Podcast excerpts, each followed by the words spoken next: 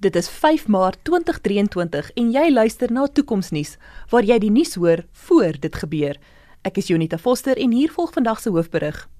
Amerika se grootste kitskosketting is gedagvaar deur die familie van 'n vrou, Hes Garnalen, wat dringende mediese hulp benodig het nadat sy 'n hap van haar gunsteling burger gevat het.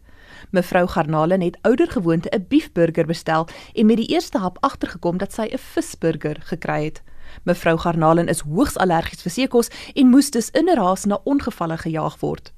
Haar familie dagvaar die kitskosketting vir mediese onkoste en het ook die hof versoek om weer menslike hulpbronne terug te plaas in die restaurante wat vroeër hierdie jaar ten volle geautomatiseer is.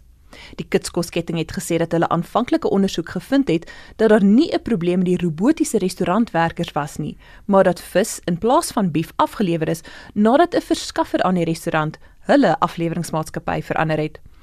Pieter Geldenhuys is saam met my in die ateljee om te verduidelik wat alles in ag geneem moet word tydens die beslissing van hierdie hofsaak. Welkom Pieter. Hallo Junita. Pieter, verduidelik asseblief vir my hoe het kitskos restaurante al hoe meer gewild geraak? Na die groot resessie Amerika getref het in 2021, het ons gesien dat die babyboomers agtergekom het dat hulle nie dieselfde besteedbare inkomste gehad het as van tevore nie. En dit beteken dat hulle begin besluit het om hulle kosuitgawes te sny deur na kitskosrestaurante toe te gaan. Dit het ook daartoe daartoe gelei dat al hoe meer en meer kitskosrestaurante opgeskiet het en ook dat die aandelepryse van kitskosmaatskappye die hoogte ingeskiet het.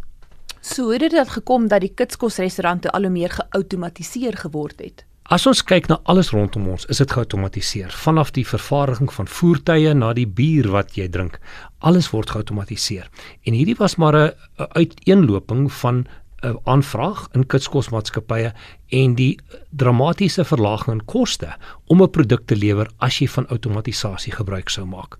En dit is een van die redes hoekom outomatisasie uh, soos 'n golf die kitskosindustrie getref het. Hoe het dit dan gebeur met al hierdie outomatisasie dat mevrou Garnalen vis eerder as bief in haar burger gekry het? Volgens die nuusberig klink dit asof die ver verskaffer eintlik viskoekies afgelewer het eerder as bief. En dit was eenvoudig maar net 'n inset. Die die uh, patties was heeltemal dieselfde grootte. Die uh, restaurant het eenvoudig die tradisionele proses gebruik om dit warm te maak en dan binne in 'n broodjie te plaas en dit te verpak en aan die individu te, te lewer. En die restaurant was nie eintlik bewus daarvan dat hy besig was om viskoekies gaar te maak eerder as bief nie. Pieter, as ek reg verstaan, het die internet van dinge 'n groot rol gespeel um, om outomatisering moontlik te maak. Het die internet van dinge 'n rol hier gespeel deur reg te doen, deur verkeerd te doen, deur reg te kyk, deur reg te kies? Is internet van dinge eintlik te blameer vir die vis eerder as die beefburger? Die internet van dinge het ons in staat gestel om alles oor afstand te kan beheer.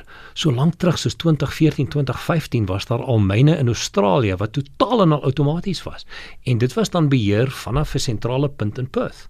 Ons sien al hoe meer en meer dat sekere maatskappye na outomatisasie begin kyk om die kostes af te bring en om die uitset te verhoog. En ons sien ook hier veral met kitskosmaatskappye het jy nou 24 uur per dag 'n kitskosmaatskappy en jy hoef nie werklik mense aan te stel om die kos te vervaardig nie. Kitskosmaatskappye het ook 'n baie klein beperkte uh, spyskaart en dit beteken dat die klein hoeveelheid produkte outomatisasie baie makliker maak. Ons as mense kan veelvuldige dinge doen, maar as jy iets outomatiseer en herhaaldeliks doen, dan doen masjiene dit eenvoudig makliker. Wat ons gesien het by die internet van dinge is dat die beheer oor hierdie verskillende uh, robotte of outomatiserings nie heeltemal 'n plek was nie, want die kwaliteitsanalise van die insetproduk was nie daar in hierdie geval nie. En daarom sou ons sien dat alhoewel hulle na die temperatuur kyk en die deurset kyk en na 'n hele paar ander dinge, was die regte sensors nie ingebring in hierdie restaurante nie en dit was die groot probleem. As tegnologie dus die probleem was in hierdie geval, sal dit enigstens help om menslike hulpbronne teruggebring in vir alle oorsigrol? Nie noodwendig nie, dit kan help, maar weer in die dan dan, dan word die prys van die produkte natuurlik net meer. As jy die regte sensors inbring net om seker te maak dat die produkte wat jy wel afgelewer het korrek is, dan kan jy eenvoudig 'n uh, daai toepassing doen om dan die probleem op te los. Baie dankie Pieter. Mevrou Garnalen het volkome herstel, maar is huiwerig om weer by enige kitskosketting kos te bestel. Sy sê sy het na ontbering ingeskryf vir kookklasse sodat sy van nou af meer beheer kan uitoefen oor wat sy eet, selfs al is dit 'n bietjie duurder.